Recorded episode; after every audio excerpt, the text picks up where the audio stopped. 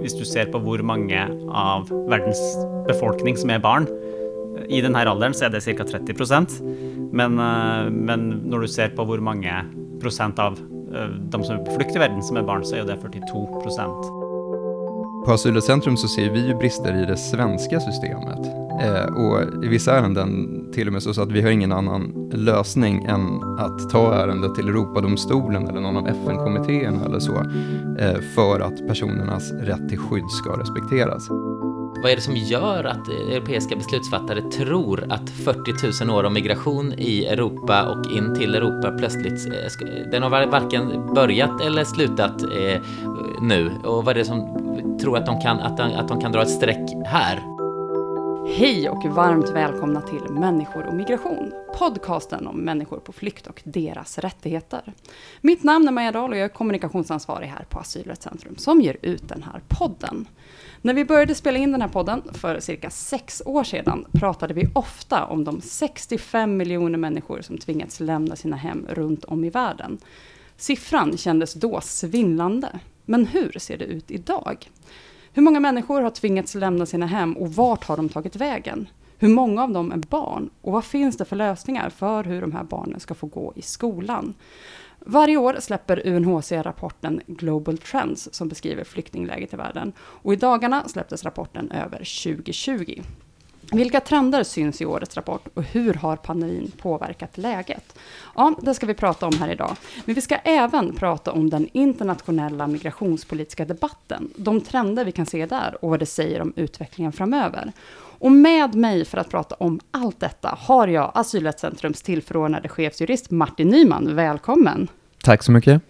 Det känns så himla tryggt att du är med här Martin, för du har ju tidigare jobbat på UNHCR och på, den här, på det här kontoret är du ju den som kanske har bäst koll på Danmark och det är ju någonting som vi kanske kommer att diskutera lite grann idag. Känner du dig redo att axla den rollen? Ja, men det kommer vi nog komma in på. Ja, men det tycker jag känns bra. Eh, från vår samarbetspartner UNHCR så har vi också med oss Anders Ålby som ska hjälpa oss att reda ut alla siffror i den senaste rapporten. Välkommen! Tusen tack! Och du har ju lovat mig, nu hör jag att vissa eh, lyssnare kanske tänker, va? Var det norska vi hörde? Du har lovat att hålla dig svorsk, eller hur? Jag ska försöka så gott jag kan. ja, men det känns bra. Och ni släpper ju rapporten nu i dagarna. Känns det, känner ni er redo? Är allting på plats som ska komma ut? Ja, det, det är viktigt för oss att komma ut med den här rapporten och få massa publicitet runt det. Ja. ja, det är bra. Jag hoppas att ni som lyssnar nu även har sett siffrorna, kanske på andra ställen också. Ehm, och för att verkligen slå på stort det här sista avsnittet innan sommaren så har vi Asylrättscentrums splitter nya generalsekreterare Mårten Löfberg med oss här i studion. Välkommen Mårten! Stort tack Maja!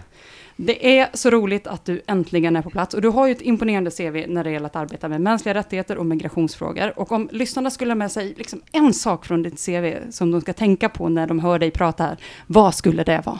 Att jag alltid har rätt.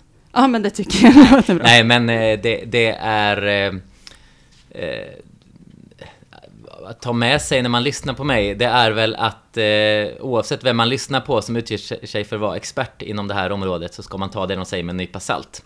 Och det tycker jag gäller även mig.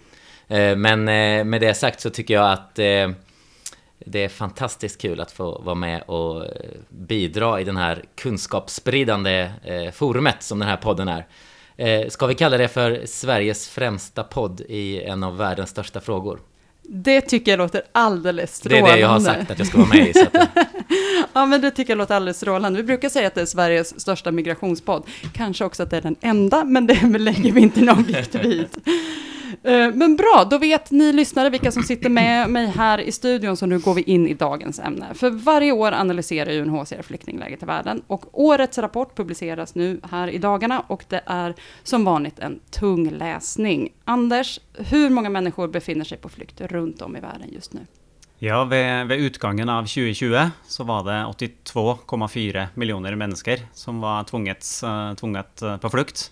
Uh, og da har vi jo kryssa den 80 millioners-grensen også. Mm. Og, og, det representerer jo også en, en, dobling. Hvis man går ti år tilbake i tid, mm. så er det dobbelt så mange. Uh, så, og, og, jeg bruker hver gang Altså, i en sånn her format, det, det blir mange sifferord. Mm. Uh, og det er kanskje litt en, en klisjé, men enda jeg vil hver gang si at det er individer bak de her store sifrene. vi må aldri glemme det.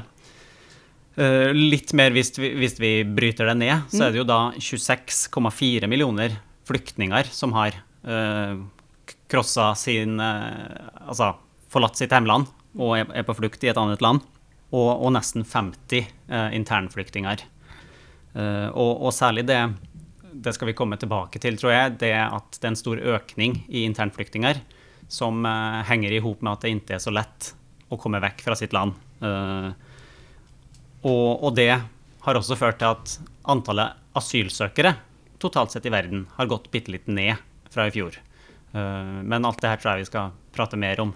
Ja, vi kommer grotta i olika delar av siffrorna, men jag tänker Mårten och, och Martin, ni har ju fått läsa den här rapporten innan. Vad var det som ni reagerade på när ni läste? Var det någonting som slog er när ni läste? Mårten, om vi börjar med dig. Ja, det är många saker som, som man tänker på. Det är ju en till stora delar dyster läsning att se att utvecklingen överlag och egentligen på alla områden fortsätter att förvärras globalt. Eh, och eh, någonting annat som, som, som jag tycker är slående, det är ju att, att eh, länder i närområdet, ofta utvecklingsländer med ganska svåra förutsättningar, fortsätter att ta det, det absolut största ansvaret. Eh, medan eh, eh, så att säga, länder i Europa, där som är mottagare för en liten rännil av de här människorna som har möjlighet att ta sig inte bara ur närområdet utan, utan också vidare. Eh, de utmålar sig som, som, eh, som utsatta för en, en svår kris, samhällskris. Eh, och det har ju varit eh, tonen några år. Och ibland så undrar man ju på vilken planet de här europeiska politikerna lever.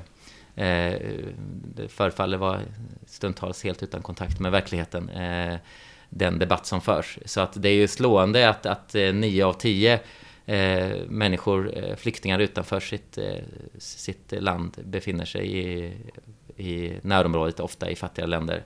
Ta ett, ett land som Libanon som ju, eh, där en tredjedel av befolkningen är syriska flyktingar och de har ju också historiskt tagit enorma ansvar för andra flyktinggrupper. Så att det, det är ju, de befinner sig i helt andra utmaningar än vad vi överhuvudtaget har varit närheten av i, i Europa. Mm. Och det är viktigt att komma ihåg.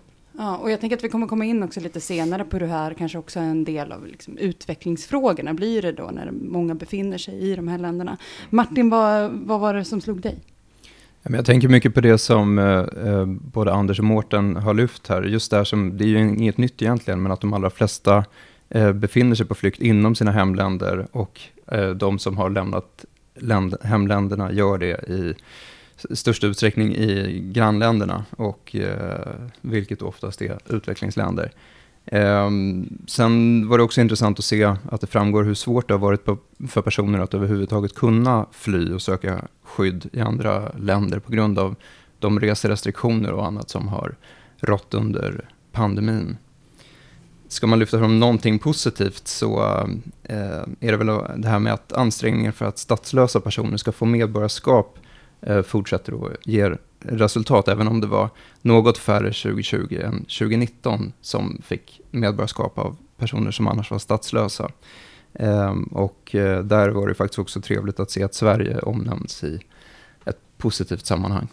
Mm, det är vi inte så bortskämda med den senaste tiden. Så det är jättebra att du lyfter det, eh, Martin. Men jag tänker också om vi går vidare och tittar på, liksom, rapporten har ju mycket information om, vi har varit inne lite grann på nu, vart många befinner sig, att det är i, ofta i närliggande länder, eller att man är, ja, sitter i liksom, internflykt kvar i, vanliga, eller i hemlandet. Men från vilka länder flyr man just nu, Anders? Ja, där, där är bilden ganska likt, som det har varit uh, de senaste år. Uh, mm. Det är først og fremst på toppen, det er Syria. Mm. Der uh, mennesker fortsetter å fly fra. Uh, vi hører jo litt en debatt om, om, at enkelte länder mener at Syria er et land man nå i større grad skal kunne returnere tilbake til. Men, uh, men det er jo ingen tvil om at Syria fortsatt er et land der, der folk flyr fra. 6,7 millioner flyktninger, som da utgjør en ca. 100 000 økning på 100 000. Eh, etter Syria så er det jo Venezuela med, med fire millioner uh, flyktninger og, og venezuelere som er uh, ja, på flukt utenlands. Og, og, nummer tre er jo Afghanistan, som kanskje er et av de fremste eksemplene på riktig langvarige kriser. Mm. Uh, og der, der, vi dessverre ikke ser noen umiddelbar utsikt til en løsning. Og, og det er jo dessverre også et, eh, et veldig fremtredende trekk. Det at eh, så mange eh, konflikter er så langvarig, og at eh, det ser veldig fastlåst ut, og ing, ingen, ingen gode utsikter til en nær, nærstående løsning, i det, min, i det minste. Eh, etter Afghanistan så er det jo Sør-Sudan Sør Sør med 2,2 millioner, og, og Myanmar, der over 1 millioner har uh, flykta til, til Bangladesh. Eh, kunne ha nevnt eh, noen flere länder også, men, men, det man kan ta med seg, er at åtte av, eh, åtte av ti mennesker som er på flukt, er altså da kun fra ti, ti land. Mm. Eh, så det er, jo, det er jo noen få, men, men store kriser som virkelig står for väldigt många av dem som är på flykt. Mm. Och det, det, det, finns ju också några kriser där, med, med oerhört många eh, människor drabbade men där människor har svårare att ta sig ur landet. Jag tänker på till exempel eh, Kongo, DRK, eh, som jag själv jobbade i tidigare. Eh, det, men hade, hade folk haft eh, finansiella och tekniska förutsättningar så hade ju oerhört många människor lämnat Kongo och, eh, och många av dem hade också varit berättigade till, till skydd.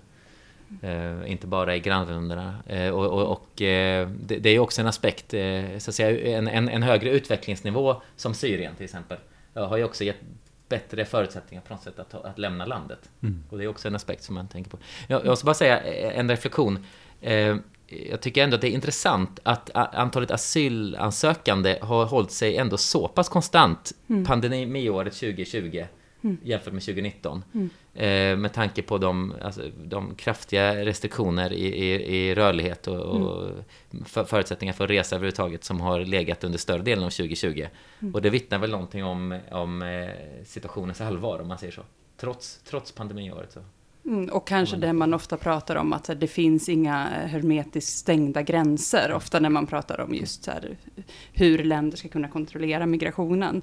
Mm. Eh, vi har ju varit inne lite grann på det här redan, med att väldigt många är, eh, alltså 48 miljoner enligt eh, då rapporten, har då, befinner sig i hemlandet fortfarande, det är då det man kallar för internflykt. Men de som då så tar sig ut ur landet, eh, vart har de sig Anders?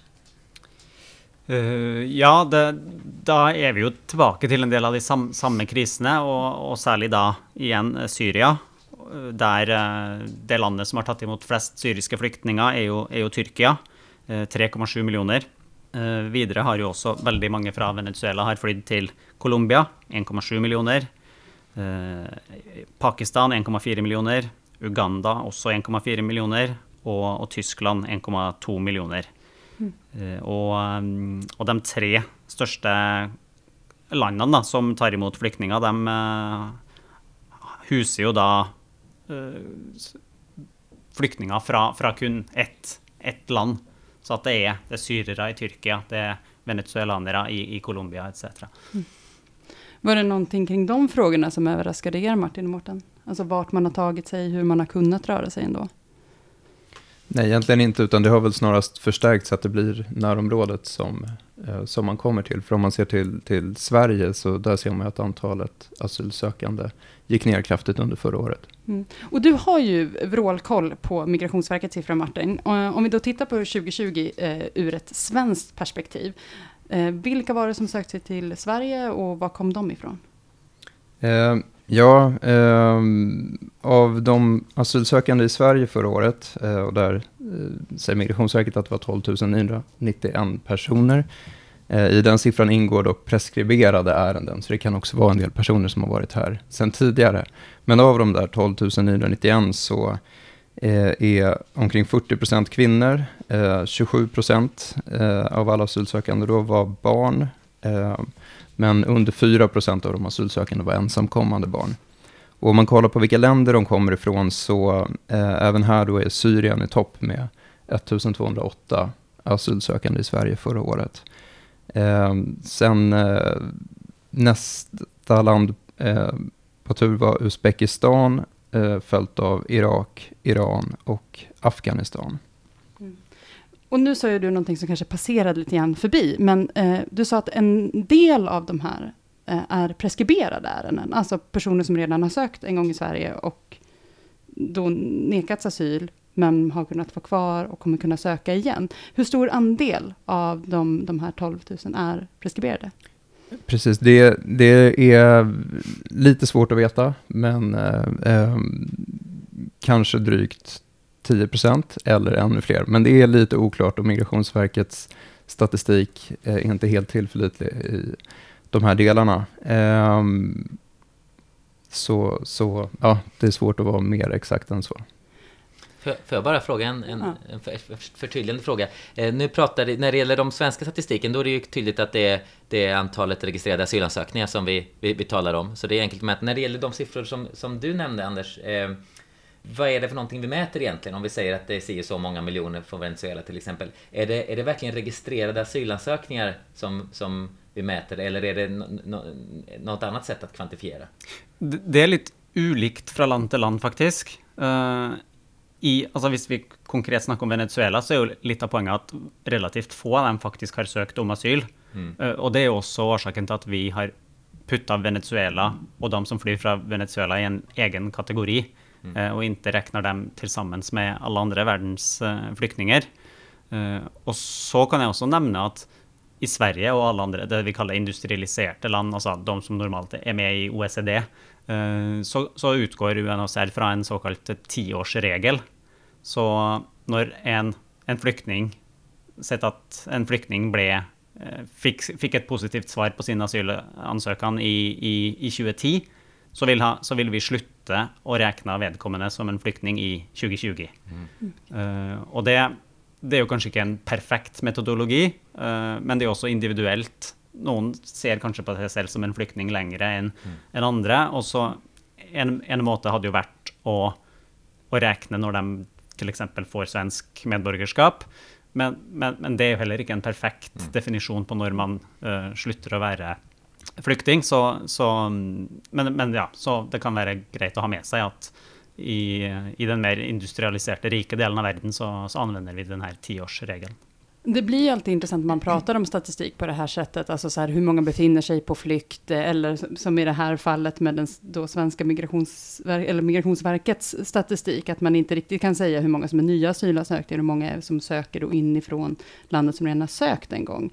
Framför allt liksom i en diskussion där det handlar väldigt ofta om så här, det ska inte komma så många, det är inte så många som ska söka asyl, och när vi då inte riktigt vet siffrorna, så ja, jag tycker att det är väldigt intressant att liksom försöka hitta på, eller försöka hitta och konkretisera ner. Så här, vad är det för siffror vi pratar om? Så det var jättebra förtydligande där. Eh, om vi liksom går vidare och tittar på den här rapporten, så en del som verkligen sticker ut i rapporten, i alla fall för mig, handlar om de barn som föds in i flyktingskap. Och i rapporten så skriver ni att det är svårt att beräkna det här antalet, men ungefär hur många barn skulle man säga föds alltså in i flyktingskap idag? Ja, det, det vi, eh, våra beräkningar säger att de tre sista åren, 2018 till 2020, så, så är det cirka en miljon barn som har blivit fött som flyktingar, kan du säga. Uh, och, ja, så då är det ju från lite under 300 000 per år till, till uppemot 350 000 per år. Som uh, ja, fødes in i den skepnaden, kan du säga. Mm.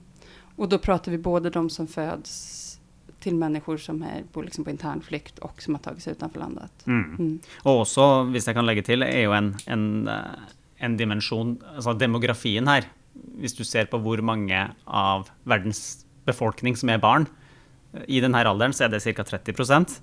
Men, eh, men när du ser på hur många procent av de som är på flykt i världen som är barn, så är det 42 procent. Så det är en, det är en större börda kan du säga bland flykting, mm. flyktingbefolkningen.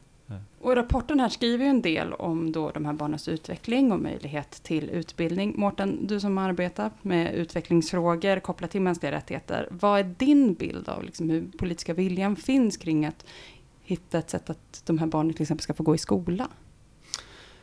Alltså, min bild är nog att eh, många, de flesta av de här barnen, precis som deras föräldrar, befinner sig ju i, i som vi pratar om, i, i grannländer, närområdet, till där de har flytt ifrån. Och min bild är nog att eh, de mottagarländerna, särskilt i närområdet, tar, tar ett enormt ansvar. Mm. Ett, ett, ett seriöst, enormt ofta socialt ansvar.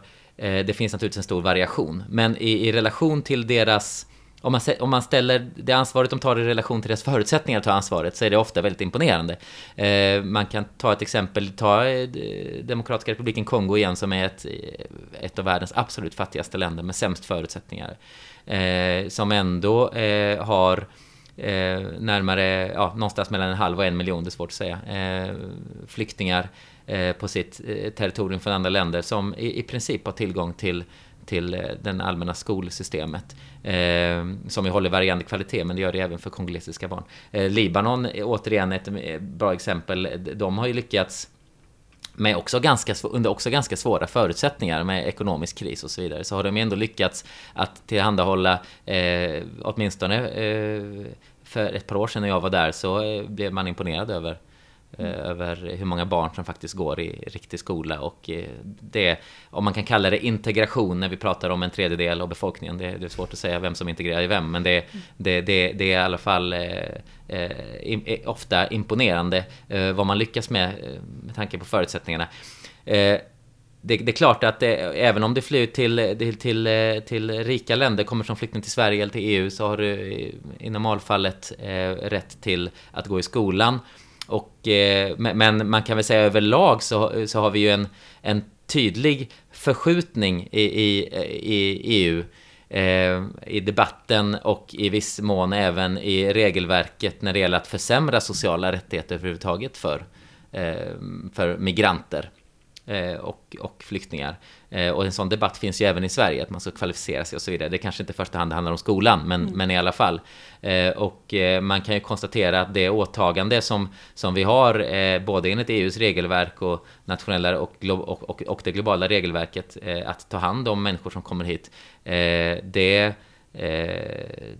jag ska inte säga att, att man kränker det, men man kan väl säga att under, med, med tanke på hur få människor som faktiskt kommer till EU idag, mm. eh, så skulle man nog kunna ställa högre krav Eh, inte minst på lik, en likvärdighet. Det varierar väldigt mycket också inom EU eh, vilken, vilken förmåga man har att leva upp till till exempel EUs regelverk i sammanhanget. Så att jag tycker sammanfattningsvis ofta imponerande av, av länderna i närområdet tar ett stort eh, ansvar. Eh, och Eh, en oroväckande eh, utveckling av, av debatten i, i EU. Det, det, är ju något som eh, min högsta chef, högkommissären högkommissæren Filippo Grandi, lyfter just idag, är ju det att traditionellt så har man kanske tänkt att UNHCR driver med, med en uh, skydd, alltså den juridiska biten, och, och två att vi ger humanitär hjälp. Men, men, men idag säger han att alltså det med inclusion, inkludering, nærmest bör bli en sånn tredje eh, pilar i vårt arbete arbeid. Det å, det å sørge for at, at flyktninger er, er inkludert. Og, og, da er jo utdanning eh, ett system, altså at man blir inkludert i utdanningssystemet i de landene eh, man kommer til. Og, og andre former for, eh, for, inkludering, altså typ, eh, i eh, Altså at man får et personnummer, at man har mulighet til å skaffe seg en bankkonto. Sånne basale ting da, som, som andre innvånare tar for, tar for gitt. Mm. Vi har varit inne lite grann också på det innan, att vi har pratat om pandemin. Jag tänker att det är svårt eh, att inte göra det när man sitter så långt ifrån varandra man kan och med handsprit emellan sig. Så man har ju hela tiden den här dagliga påminnelsen om pandemin. Men när man tittar på pandemins påverkan på eh, situationen för människor på flykt, eh, Anders, går det att liksom sammanfatta det på något bra sätt så att säga?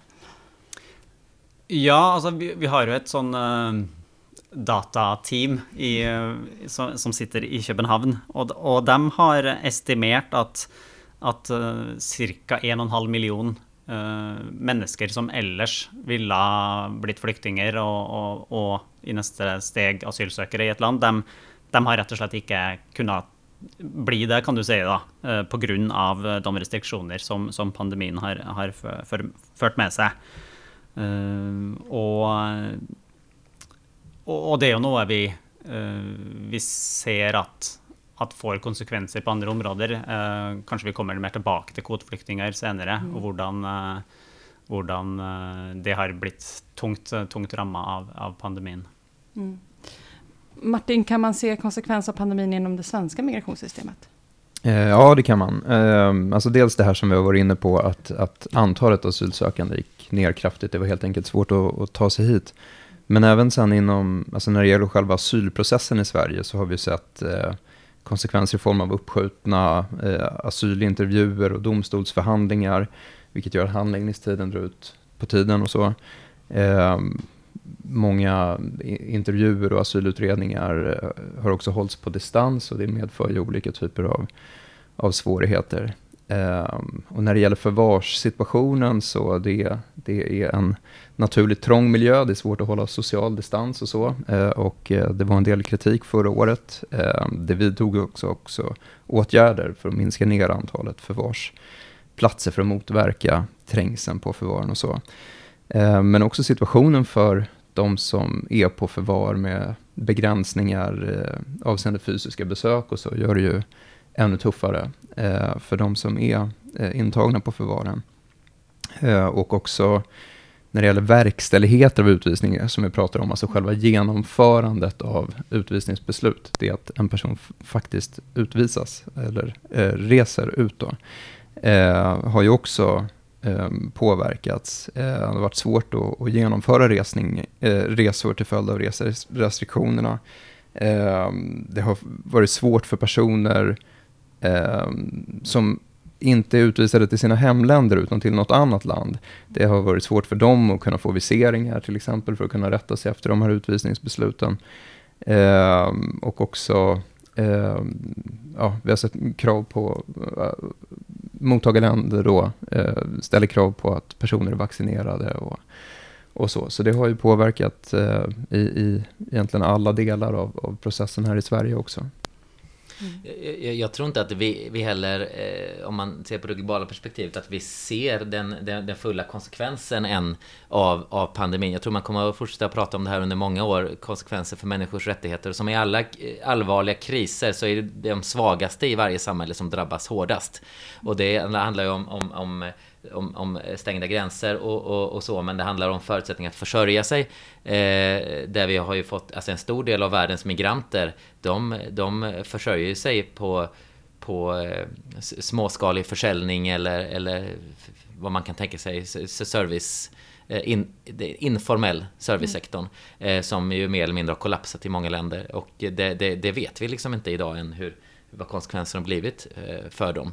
Och sen så kan vi också se, inte minst i den utvecklade världen, eh, en eh, det finns en tendens också i kriser att, eh, att det, det liksom manar på ökad nationalism och försämrade attityder, mindre solidariska attityder bland opinionsbildare som smittar av sig på befolkningarna. Så att det, det, det, det är en, solklart en kris också ur, ur rättighetssynpunkt som har drabbat inte minst migranter. Mm. Och det tänker jag liksom man, man har kunnat se så den svenska diskussionen när man började prata om vaccination av papperslösa. Nu, det har vi pratat om tidigare här i podden att när eh, Folkhälsomyndigheten liksom skrev rakt ut att inom fas 3 så ska särskilt utsatta grupper, bland annat då hemlösa och papperslösa, kunna få vaccin. Och det blev ramaskri för att man sa att papperslösa ska få vaccin. Och då förstår man ju inte vad det här är för grupp. Och också, som vi då redan Thomas Alvarsson som var med, vår jurist, konstaterade, de kommer heller troligtvis inte gå att ta vaccinet. Men att mm. just här, nationalismen, oförståelse för frågorna i stort och att det alltid drabbar de mest utsatta mest. Mm. Att den kunskapen verkligen inte har funnits. Det positiva ändå tycker jag är när vi, när vi pratar om ramaskri som ju ofta kommer i, i, den, i den offentliga debatten när vi pratar om migration. Det är att ramaskriet är ofta ganska få som skriker mm. ganska högt. Och ganska många eh, skriker inte alls. Eh, och det kanske vi kommer tillbaks till med den europeiska migrationsdebatten. Men, men eh, det är ju som tur är inte någon majoritet. Eh, finns inget som tyder på som står bakom den, den, den typen av Absolut. Samtidigt i det här fallet fick det ju Folkhälsomyndigheten att ta bort papperslösa. Ja. Alltså inte, gruppen skulle fortfarande omfattas, men man tog bort själva skrivelsen. Mm. Um, jag tänker, vi, vi går vidare. Vi, vi har nu bättre koll på vilka som har lämnat sina länder, var de befinner sig. Uh, men en sak som förvånade mig när jag satt och tittade på den här rapporten uh, är ju då att uh, alla siffror som UNHCR redovisar har ökat sedan förra årets rapport. Antalet människor som tvingas lämna sina hem har ökat, antalet som tvingats till internflykt, andelen barn, allt har ökat, utom antalet pågående asylsökningar. Vi har varit inne lite grann på, på det här innan, men det befinner sig ungefär på samma nivå som 2019. Kan man säga vad det beror på, Anders? Är det pandemin eller finns det andra orsaker också? Eh, det ene er definitivt eh, pandemien. Eh, Men så skal man også huske at den, den grensen der flest asylsøkere krysser fra et land til et annet og søker asyl, det er fra Mexico til USA. Eh, og der, eh, der ser vi jo at eh, det, der har mange krysset grensene, rett og slett. Ehm, så den har ikke i så stor grad eh, eh, gått ned og ja, holdt seg stabil, rett og slett. Och vi har också varit inne på liksom då den migrationspolitiska debatten, men om man tittar på den både liksom Sverige och internationellt så handlar det mycket om att minska antalet asylsökande. Eh, det beskrivs ofta som en önskan om att kunna tydligare, ha en tydligare överblick över hur många som kommer att söka i landet och förbereda mottagningssystemet efter det. Eh, alltså en önskan om ordning och reda i migrationspolitiken.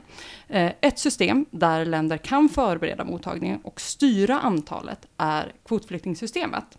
Du nämnde det innan Anders. Hur ser trenden ut när det gäller att, eh, liksom, för andra länder att vilja ta emot kvotflyktingar? Den ser inte bra ut i det hela tatt. Eh, eller jeg skal komme med en, slags positiv slut slutt på det her resonnementet. Men, men, det er klart, eh, i 2020 var, var et veldig lavt år med kun 34 400 kvoteflyktninger som, som fikk komme til et trygt, trygt, land etter å ha først flydd til, til, et første land der de ikke fikk tilstrekkelig godt skydd.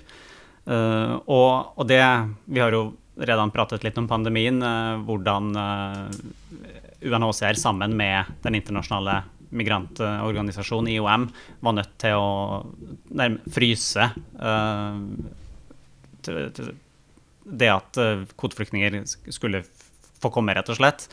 Uh, i, i, en periode der det var så mye restriksjoner på, på å krysse landegrenser, så det, det ble umulig. og så har det er formelt ikke et problem lenger, men vi ser fortsatt at det er svårt for, for stater å, å, gjøre den uh, screening og på en måte for å hitte de kvoteflyktninger de, de, vil ta. Eh, uh, og så er det selvfølgelig det at uh, eh, det landet som tradisjonelt, hvis man går noen år tilbake, sto for den aller største delen av, av kvoteprogrammet, nemlig USA, strammet inn og strammet inn og strammet inn. Men, men, der er det vi heldigvis nå ser at den nye administrasjonen eh, allerede for i år har varslet at de er rede å ta uh, mer enn 60 000 kvoteflyktninger, som, uh, som, uh, som, da vil føre til at kan, Igjen, det ser, kommer vi kanskje ikke til å se i 2021, mm. men, men, forhåpentligvis når vi går inn i 2022, så, så er det godt håp om at, om at, vi ser en bra økning igjen. Mm. Där är det ju bara en annan positiv eh, sak är ju att, att Sverige fortsätter att ta emot kvotflyktingar och också att de som inte kunde komma hit förra året på grund av, alltså Sverige lyckades ju liksom inte fylla kvoten förra eh, året på grund av pandemin och så, att man flyttade över det antalet till i år så att det ska bli samma, eh, man ska nå under den här tvåårsperioden då nå upp till det antal eh, som man annars skulle ha gjort eh, redan då, eh, under respektive år. Eh, ett annat intressant, en annan intressant sak att lyfta i sammanhanget det är ju att man ser intressanta initiativ för sånt här ideellt flyktingstöd, alltså sådana här community sponsorships, vilket superförenklat är ett sätt för eh, civilsamhället att kunna stötta staten i sitt flyktingmottagande och på så sätt underlätta för stater att ta emot eh, kvotflyktingar. Mm. Tittar vi på, på, på EU igen och Sverige så, så, så, så, har vi ett system där vi förbinder oss, vi, menar jag européerna, mm. förbinder oss att ge, ge människor som är flyktingar skydd. Men samtidigt gör vi allt vad vi kan för att hindra den, den praktiska möjligheten att utnyttja den rättigheten.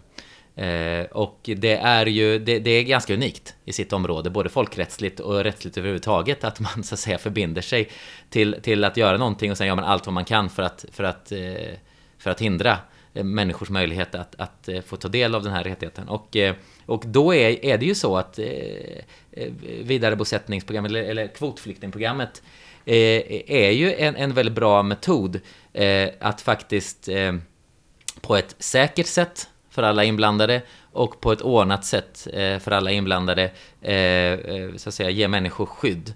Eh, eh, men, men jag tror att samtidigt när man pratar om det som en lösning så ska man komma ihåg att det, det rör sig i stor utsträckning om en annan grupp än de som flyr över Medelhavet och de som, som slänger sig i rangliga båtar och, och eh, gummiflottar och vad det är eh, och varav många omkommer på Medelhavet. Eh, det är ju i, i den gruppen stor överrepresentation av yngre män mm. Eh, medan du bland kvotflyktingar snarare väl har en, eh, där får du rätta mig om jag har fel, men en, en underrepresentation av yngre män. Utan du har inte minst eh, de som, som kommer till, till Sverige och många andra länder så, så är det ju ofta familjer, det är ofta gamla, det kanske är personer som är sjuka och, och, och, och så eh, som är överrepresenterade i den gruppen, de som har störst behov helt enkelt, som är prioriterade.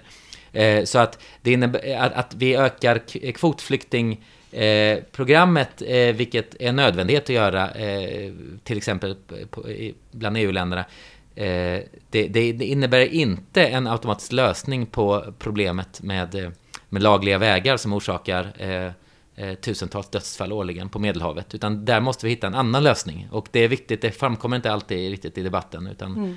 kvotflyktingsystemet kan, kan framställas som en universallösning. Men det är, det är en viktig bit, men behöver kompletteras med andra sätt att att faktiskt göra det möjligt för människor att utnyttja sin både juridiska och moraliska rätt att, att söka skydd. Mm. Och ett sätt som har diskuterats att då eh, se till att eh, kanske minska, som de då säger, incitamenten för människor att sätta sig i båtarna, har ju nu Danmark nyligen röstat igenom eh, i sin riksdag. Eh, och tanken här är att en människa som har tagit sig in i Danmark för att söka asyl ska flyttas till ett land utanför EU, där asylprocessen sker, och om personen får asyl så ska den stanna i det landet. Eh, Mårten, som sagt, du har arbetat med migrationsfrågor och mänskliga rättigheter under många år. Vad tänker du när du hör den här lösningen? Just också med tanke på det du sa nyss om rätten att söka asyl. Allra först tar man ju sig för pannan och eh, undrar liksom hur långt kan det gå?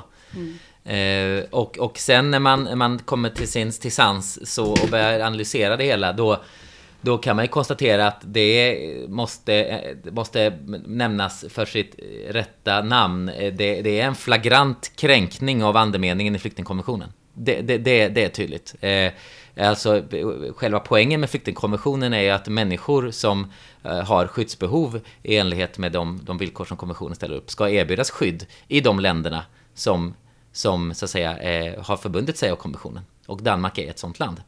Eh, och sen att de försöker hitta vägar nu att trixa sig runt det. Eh, det är oroväckande eh, av flera skäl, inte minst det, det, den, den signal man sänder ut till, till resten av världen. Att det här är en, eh, ett, ett, ett, så att säga en, en, en folkrättslig skyldighet som vi inte behöver bry oss så mycket om. Eh, eller som vi kan trixa runt med så att den förlorar sin, sin verkliga innebörd. Ehm, det, det, man kan hoppas på, det är ju att dels att det här inte flyger i den danska opinionen. Jag vet inte eh, vilka, hur högt, stort hopp man kan ha till det, men eh, och man kan också eh, hoppas på att länder i Nordafrika eh, avvisar blankt eh, en, en, en, sån här uppgörelse som, som skulle vara en förutsättning eh, för, att, eh, för att ha någon form av områden där Danmark skulle utöva effektiv kontroll då på deras territorier. Eh, som då skulle anses eh, kunna ersätta eh, möjligheten att få skydd i Danmark. Så, men, men det är, ja, sammanfattningsvis så tycker jag att eh, Ylva Johansson Eh, alltså man säger att EU-kommissionen för en gång skulle tala klarspråk i, när det gäller att, att, eh, att tydligt stå upp för inte bara konventionen på pappret utan dess innebörd och andemening, flyktingkonventionens. Eh, eh, nämligen att människor ska ha rätt till skydd i de länder som, som har åtagit sig att, att ge skydd. Och, eh, och där, det tycker jag är, är, väldigt positivt att man talar klarspråk och eh, att resten av världen nu också, tycker jag, till exempel från svenskt håll, att man kan förvänta sig att man sätter ner foten och konstaterar att det här, den här utspelet ligger utanför i vad vi kan tolerera i den europeiska gemenskapen. Mm. Och det, det, är ju alltså viktigt att komma ihåg att det här handlar ju bara om en vilja och signal att personer inte ska söka skydd i Danmark. Mm. Och argumentet att personer inte ska ge sig ut på farliga resor över Medelhavet klingar ju lite tomt i och med att det enda sättet att få tillgång till det här utlokaliserade förfarandet är att ta sig till Danmark, söka asyl och sen eh, liksom skickas till det här landet där man ska prövas. Så det är ju inget system som liksom fungerar. Eh, och mm, ja, men vi har varit inne på det här, alltså, redan idag så eh, personer som flyr söker i regel skydd i närområdet till allra största del. Det, det är så det är. Och det är ju, jag tror många kan tänka att det skulle vara minst sagt märkligt eh, om man skulle ha ett system där eh, personer, om man, om man tänker nu eh, situationen med Protasevich, eh, som, eh, jag tror han sökte asyl i Polen förra året, mm. och hade man haft ett system där han hade skickats till ett afrikanskt land för att få sin asylansökan prövad. Det tror jag många skulle tycka var väldigt märkligt. Och det är ju lika absurt att tänka sig ett system där det görs med asylsökande från andra länder, från Ryssland eller Afghanistan eller Venezuela eller varifrån man än kommer. Eh, sen kan man komma ihåg att EU-rätten och de svenska reglerna medger att en asylansökan får avvisas och att en person utvisas till ett så kallat då säkert tredje land där personen kan söka asyl.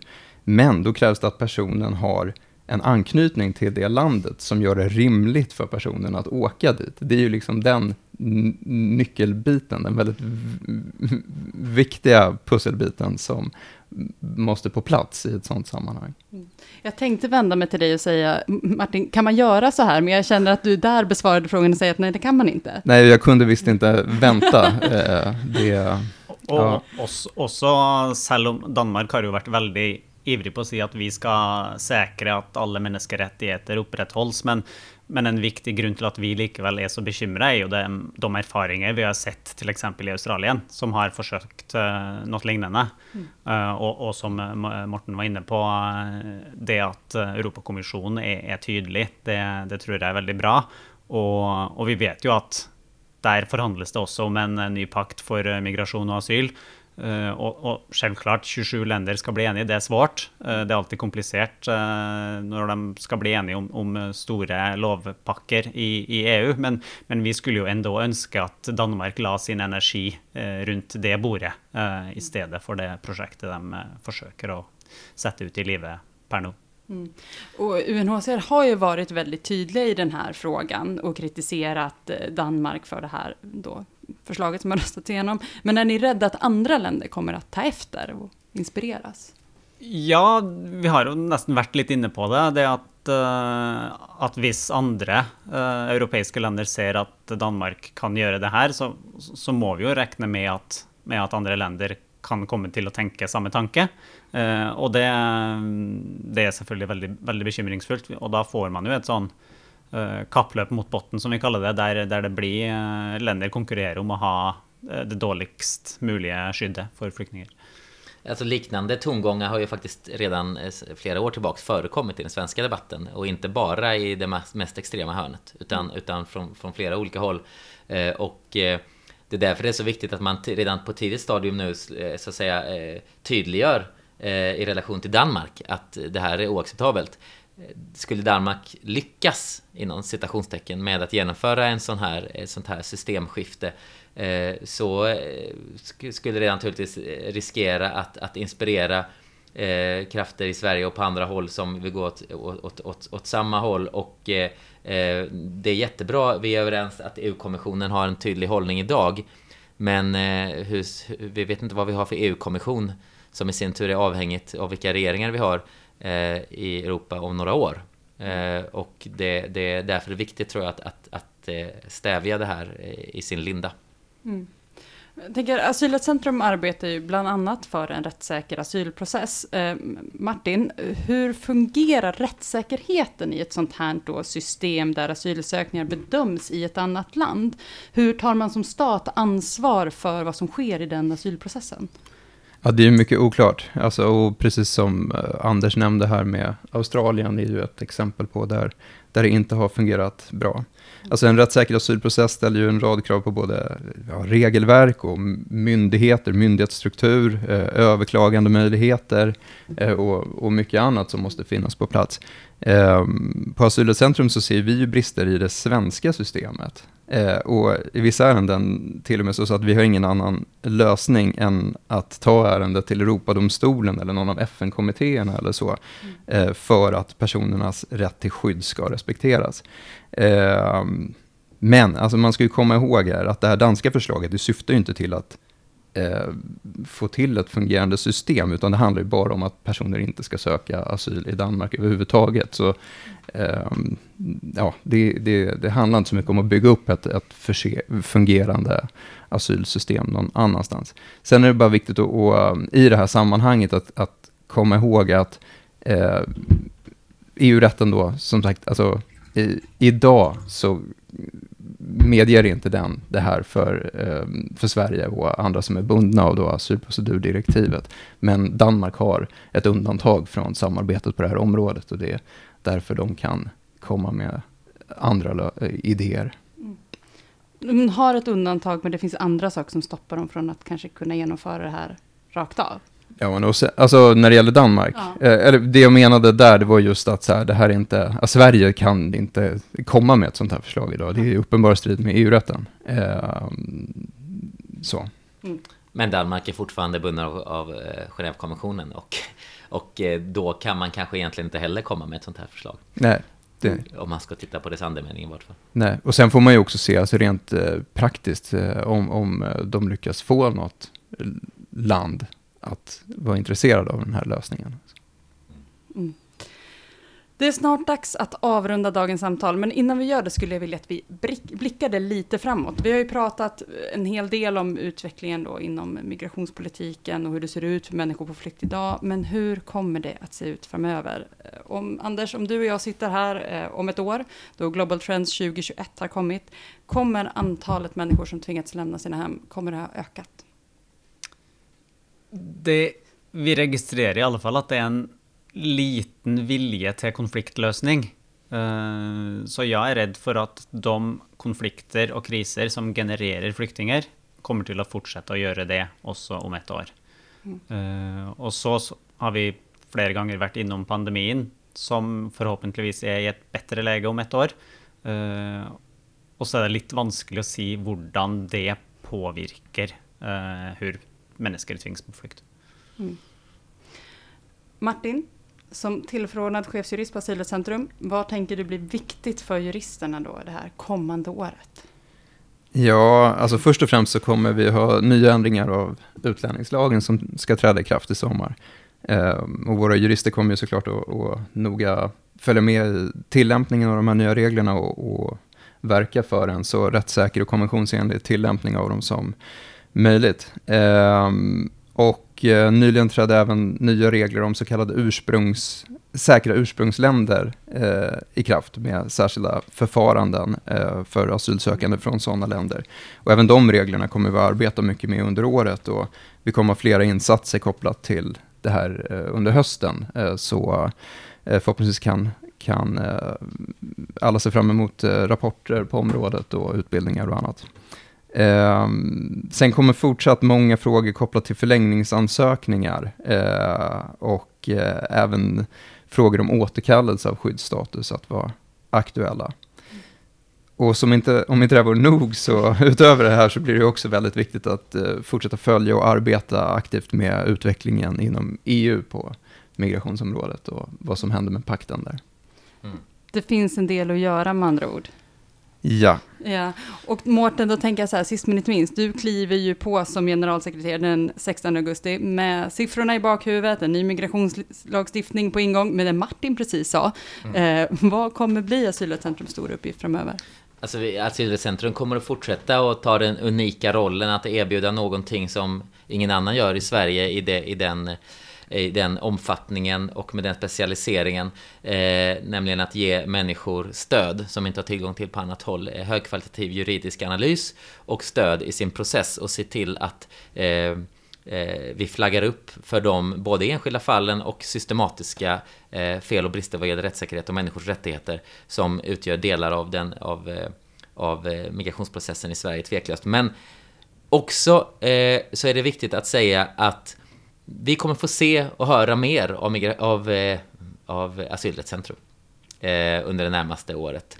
Eh, jag tror att, eh, att eh, att det är väldigt viktigt att vi som har en sån så att säga gedigen kunskapsbas, förståelse för de enskilda ärendena och för helheten, hur människor i praktiken eh, drabbas av de rättssäkerhetsbrister och eh, övertramp på rättighetsområdet som sker, att vi också klarar av att omsätta det i att sätta avtryck i den, i den eh, politiska debatten i Sverige, den nationella debatten kring migration på ett sådant sätt att den faktiskt kan påverkas i en riktning som, eh, som eh, för tillfället ser allt mer avlägsen ut. Men vi får inte glömma bort att Sverige har fortfarande, om du tittar på de undersökningar som finns, Eurobarometer med mer, så har vi fortfarande ett unikt stöd i Sverige för en rättssäker och rättighetsbaserad migrationspolitik.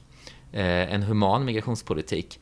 Eh, och att det stödet, det finns ute i stugor och gårdar och torp och lägenheter runt om i Sverige och det övervintrar. Men det handlar också om att, eh, att, att vi som arbetar med detta på heltid visar att du som tror på rättssäkerhet och mänskliga rättigheter och humanitet i migrationen inte är ensam, utan att vi är många i Sverige som arbetar för det tillsammans.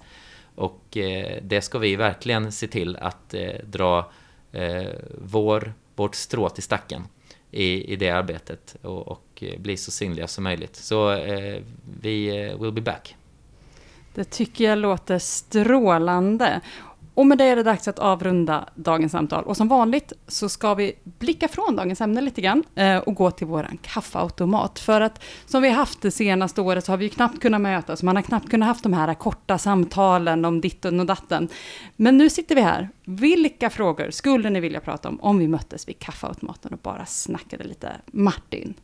Ja, alltså jag är ju alltid intresserad av att prata om precis allt på det här området. Eh, men eh, just nu, och inte minst när eh, jag har en gammal kollega från UNHCR här, så eh, är jag intresserad av att prata om den negativa utvecklingen i Afghanistan och oron för vad som kommer att hända där. Mm. Vad säger ni, är det någonting ni hade hakat på?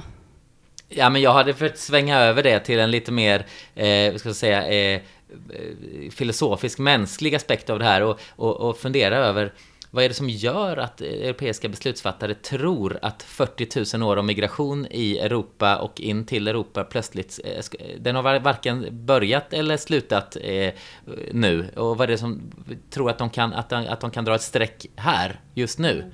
Eh, det, det är märkligt sett till historiens ljus. Eh, och snarare så tyder det mesta på att med eh, fortsatt klimatförändringar, eh, fortsatta konflikter, eh, resursbrist som, som kommer i, i, i eh, kölvattnet av konflikter och klimatförändringar, att vi kommer ha en fortsatt migration eh, inom Europa, till Europa, runt om i världen och det är bara att vänja sig vid den tanken och göra det bästa av det.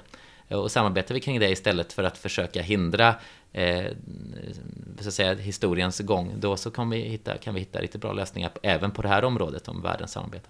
Mm. Anders, vad säger du? Ja, hvis, uh, Martin nämnde det så vidt uh, i starten, nemlig statsløshet. Hvis vi kan diskutere hur det kan lyftes enda mer, uh, for det fortjener det.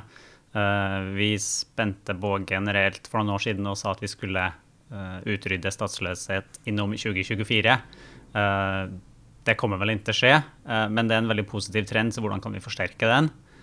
Och om jag får nämna en ting till, så är jag också lite uh, engagerad i att samman med den internationella olympiska kommittén så ska vi skicka 29 flyktingar till OS i Tokyo. Uh, och det, det blir kul att följa med på. Det blir spännande att se vad de också kan uppnå eh, där. Och för min del så skulle jag vilja prata om Alice Petrén. För sen 2015 har hon varit Sveriges Radios migrationskorrespondent. Men till hösten slutar faktiskt hon, hörde jag häromdagen. Och det känns lite som slutet av en era. Hon har bidragit med kunskap och perspektiv i migrationsfrågan på ett sätt som få journalister faktiskt har gjort. För att hon har pratat om och rapporterat om rutter som människor flyr. Hon har pratat om pushbacks och problematiserar olika länders agerande. Eh, och förklarat internationell lagstiftning och hur den ser ut. Det här har ju inte alltid fallit god jord och hon har fått motta både hot och hat och folk har dömts för de hot som de har riktat mot henne. Eh, så det här är en enormt viktig och stor journalistisk gärning som hon har gjort och nu slutar hon som det. Jag har än så länge inte sett om det är någon som ska ta över eh, rollen och axla den som migrationskorrespondent på Sveriges Radio, men jag hoppas att de gör det. För om det är någonting som dagens samtal verkligen visar, så är det att man måste fortsätta följa den här frågan. Den kommer inte att försvinna och vi måste kunna fortsätta sprida kunskap om det. Så jag hoppas att Sveriges Radio lyssnar på det här och utser en ny migrationskorrespondent, om, om ni frågar mig.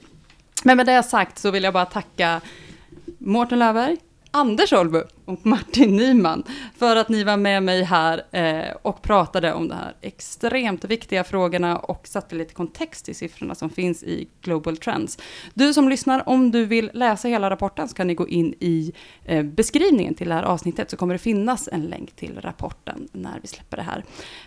Eh, och har du frågor eller kommentarer på dagens avsnitt så går det självklart bra att skicka dem till, dem, till oss. Ni kan antingen göra det via Twitter på sveref-org eller gå in till Människor migrations Facebook-sida och skriv i kommentarsfältet där eller mejla direkt till info sverf.org så ska vi besvara frågorna så gott vi kan.